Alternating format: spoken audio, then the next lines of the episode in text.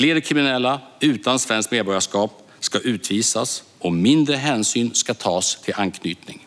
Är Sveriges nya kriminalpolitik en fara för demokratin? Räddningen för det svenska samhället? Eller någonting mittemellan? Meningarna går isär, beroende på om du frågar höger eller vänsterblocket. Hotar regeringens strängare kriminalpolitik rättssäkerheten? Hur ser egentligen alternativen ut? Och vad händer med ett samhälle som ställer repression mot prevention? Dessa frågor tar jag upp i veckans video om gängvåld. Gillar du mina filmer så hjälper du mig att kunna fortsätta göra dem om du stöttar mig via något av betalningsalternativen här nedanför. Det är endast tack vare ert generösa och frivilliga stöd som jag kan fortsätta utveckla denna kanal, så ett stort, stort tack till alla er som bidrar. Jag släpper en aktuell ny video varenda lördagsmorgon klockan 08.00 svensk tid, så se till att prenumerera, bli notifierad och att verkligen följa min Substack så att du garanterat inte missar någonting jag släpper. Idag talar jag om poliser, politik och progressivitet. Häng med!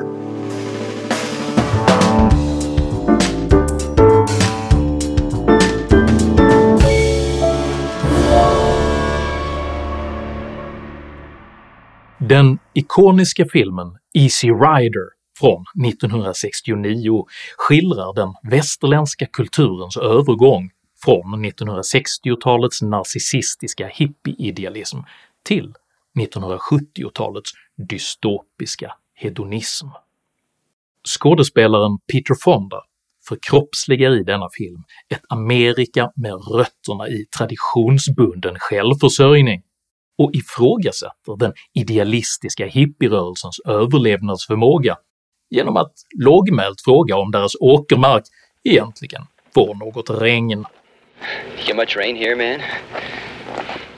Efter hippieidealismens dikeskörning i slutet av 1960-talet skulle det dröja ett halvt sekel innan en lika idealistisk rörelse fick fotfäste i västvärlden igen.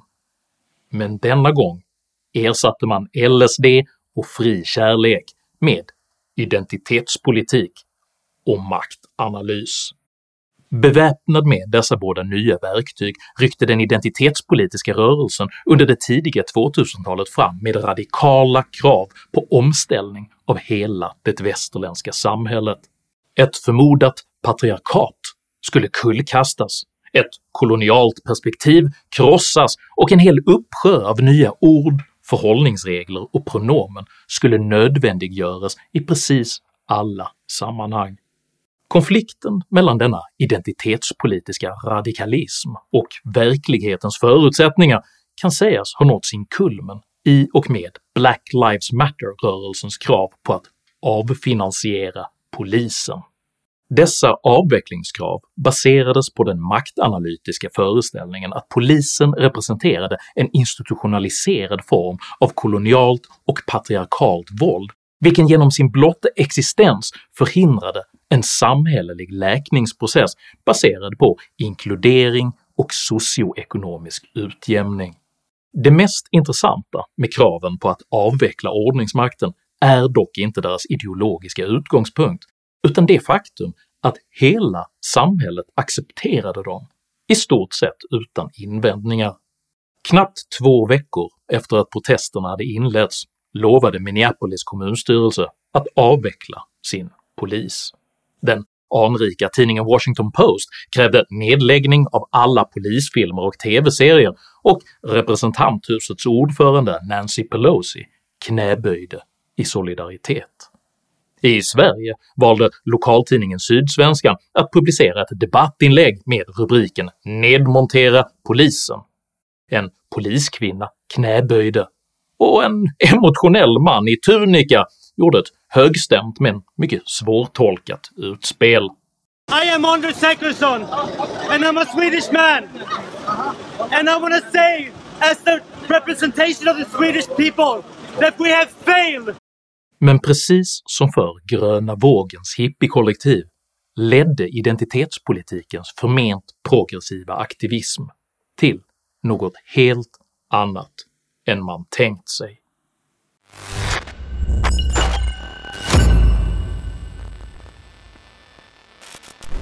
Black Lives Matter lyckades aldrig nedmontera polisen, men man lyckades däremot att skära ner den i mängder av amerikanska storstäder, och reaktionerna lät inte vänta på sig. Den progressiva föreställningen att en omfördelning av resurser från polis till lokalsamhälle skulle leda till en inkluderande läkningsprocess visade sig inte stämma. Istället sköt den öppna brottsligheten i höjden. De verkliga konsekvenserna av Amerikas experiment med progressiv kriminalpolitik blev istället att privata företag tvingades rekrytera avskedade poliser för att säkerställa ordningen i de områden där de verkade, och att den skattebärande medelklassen flyttade ut till gated communities skyddade av privata vaktbolag. Och allt detta medan utanförskapsområdena försatts i brottslighetsmässigt fritt fall, präglat av hemlöshet, missbruk och dödsskjutningar. På samma sätt som dessa progressiva delstaters polisiära experiment har gjort dem till varnande exempel i USA, sticker Sverige ut i Europa. Uppklarningsprocenten är låg, antalet dödsskjutningar per capita högst i Europa och redan i augusti i år slog Sverige rekordet för antalet ihjälskjutna på ett enda år. I år går utvecklingen mot ett svart rekord. Hittills har över 40 personer skjutits ihjäl. Det är redan nu på samma nivå som under hela förra året. Sverige har under flera decennier fört en unikt progressiv kriminalpolitik där alla krav på repression har bekämpats som förlegade och kontraproduktiva. Ett aktuellt exempel på detta är hur den frispråkige och hårt kritiserade Göteborgspolischefen Erik Nord i förtid ersattes av den progressiva Emily Kullmyr. Så man bygger människor från början, att man får ha en trygg uppväxt, att en kvinna i sitt hem inte ska bli misshandlad utan att man eh, där och någonstans ska man vara trygg. Och då behöver vi lägga in jättemycket kraft där. Och du tänker att då kommer man också åt rekryteringen till kriminella gäng ja. kanske? De här eh, männen då framför allt som finns i de här miljöerna, det de har gemensamt är ju att de faktiskt har antingen upplevt eller vuxit upp i eh, hem med, där man har bevittnat våld. Stödet för denna typ av progressivt, socialt och preventivt polisarbete är så dominant att ideologisk rättning i ledet uppfattas vara nödvändig vid varje tillfälle då dessa perspektiv utmanas. Så sent som förra året försvarade exempelvis en påtagligt besvärad Anna Hedenmo återkommande de socioekonomiska faktorernas betydelse under en intervju med den pragmatiska amerikanske straffrättsprofessorn David Kennedy. But isn't it also about poverty, money and drugs? But almost nobody that is poor becomes part of the violence problem. Almost all of the violence has nothing to do with the drug trade or the black market or their illicit economic activity.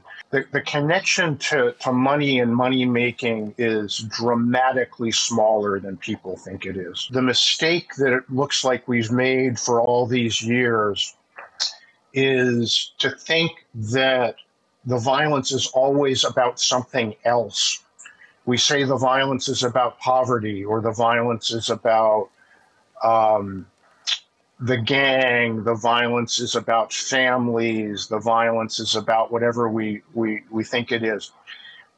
The violence is fundamentally about the violence. And effective violence prevention has turned out to be about focusing on the violence and not about these other things. På liknande sätt var motviljan mycket, mycket stor när dåvarande biträdande rikspolischef Mats Löfving år 2020 rättframt satte namn på det faktum att ett stort antal kriminella klaner hade etablerat sig i Sverige. Ditt uttalande här om klanerna eh, har skapat en väldig debatt om etnicitet och brott. Var det det du ville? Och just när du talar om klanerna så blev det ju en debatt i riksdagen i veckan här om etnicitet och brott. Men du talade om släktbaserade kriminella nätverk eller klaner. Eh, och just begreppet kriminella klaner är laddat och det kan kanske också vara lite svårt att förstå. Och vad skiljer det här ifrån maffian till exempel, som jag tror fler känner till? Så jag går liksom inte igång riktigt på de här namn och definitionsfrågorna eftersom det helt enkelt inte spelar någon roll för våra poliser längst ut eller för medborgarna längst ut. Så det spelar ingen roll om man säger släktbaserade nätverk, eller klaner eller maffia? Ja, fast alltså, du hör vad jag säger nu. Ja. Det vi inriktar oss på det är kriminella människor som använder familjen och släkten som en plattform för att begå brott. Det räcker för mig. Är det då någon som tycker att vi behöver definiera och namnge det här på ytterligare sätt eller så, det är helt okej, okay, men jag kommer inte fokusera på det eftersom det inte genererar tillräckligt med konkret medborgarnytta. Denna allt mer ansträngda ideologiska kamp till den progressiva kriminalpolitikens försvar har följts av en ständigt växande våldsbrottslighet i både USA och Sverige. Det är därför inte heller svårt att förstå varför väljare världen över just nu försöker rösta bort konsekvenserna av en vänsterpolitik man upplever har gått överstyr. Något som med brutal rättframhet nyligen konstaterades i den engelskspråkiga nyhetskanalen Sky News. So the reason why the government changed in Sweden, though, it's important to note, is because the crime issue got so yes. out of control, and a lot of that was tied to their very generous open borders policy, shall we say. Everybody got sick of the fact that there were bombings and shootings and grenades being thrown around the capital and, and the suburbs at all hours, that they weren't allowed to talk about it. I've got a lot of family in Sweden. I've been there a number of times, and my God, it has been a far left utopia for a long time. but you can only deny reality for so long. Particularly in a country that had a very low crime rate for a long time and now has this explosion of violent crime. De kriminalpolitiska förslag som Sveriges nya regering har presenterat innebär huvudsakligen att man harmoniserar Sveriges kriminalpolitik med den som redan under många år tillämpats i övriga Norden. Trots detta väljer Sveriges Televisions agendaredaktion uteslutande att lyfta fram invändningar mot den betydligt mer framgångsrika danska kriminalpolitiken. David Sausdal då, som är dansk eh, kriminolog vid Lunds universitet och expert på dansk mm. kriminalpolitik, han varnar för en övertro på att det är en hårdare kriminalpolitik som ska vara lösningen. Den stora utmaningen att det inte finns någon forskning, det finns inga utvärderingar på de olika kriminalpolitiska insatserna. Man kan inte säga till exempel att visitationszoner eller vistelseförbud eller, eh, eller de dubbelstraff till exempel, att det har varit särskilt verksamt och det är det som har knäckat eh, gängen i Danmark. Det är sant att det inte finns någon oberoende forskning, men det danska justitiedepartementet redovisade i februari i år en mycket gedigen rapport som visar att de tre senaste stora åtgärdspaketen mot organiserad brottslighet i Danmark har varit mycket effektiva, med tydligt förbättrade resultat gällande både trygghetsupplevelse och antal brottsoffer. I Sveriges Televisions Agenda framhärdar man ändå med försvaret av precis de progressiva sociala insatser som nästan helt har dominerat den misslyckade svenska brottsbekämpningen under två decenniers tid.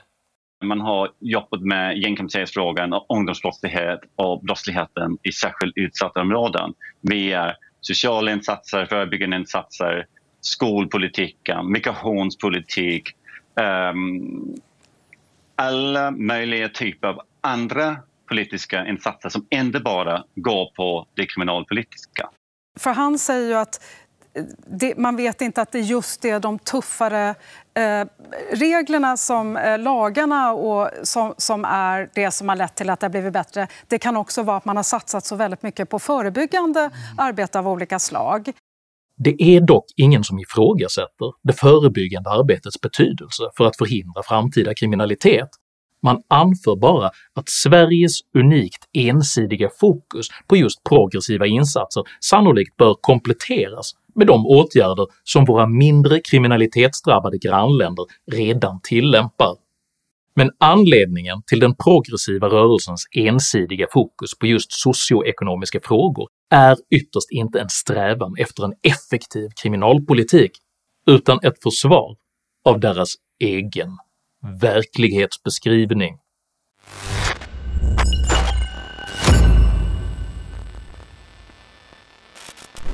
När Sydsvenskan-skribenten Moa Berglöf bittert anklagar politiker som hon inte gillar för att luras om brottsligheten agerar hon inom en polemisk tradition där ett progressivt mål anses helga bedrägliga medel.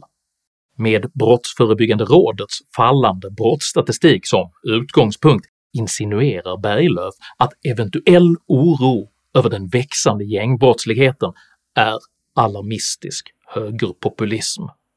Det är förstås mycket, mycket bra att Sveriges sammantagna brottslighet är fallande, men samtidigt har våldets karaktär förändrats i grunden.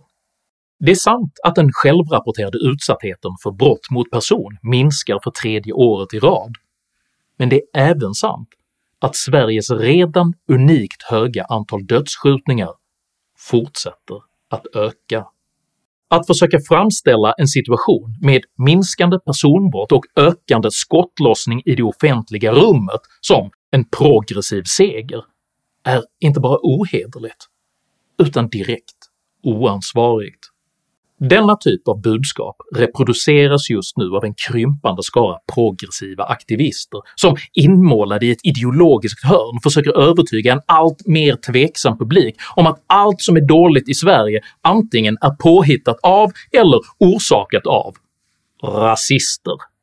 Att försvaret av de progressiva problemlösningarna i allt högre grad kräver att man förleder snarare än förklarar beror på att dess företrädare prioriterar ideologisk renlärighet framför effektiv problemlösning. Eftersom den progressiva rörelsens maktanalys entydigt betraktar människan som ett resultat av de förutsättningar som samhället gett henne, är det endast genom förändringar av samhällets maktstrukturer som oönskade beteenden kan förändras.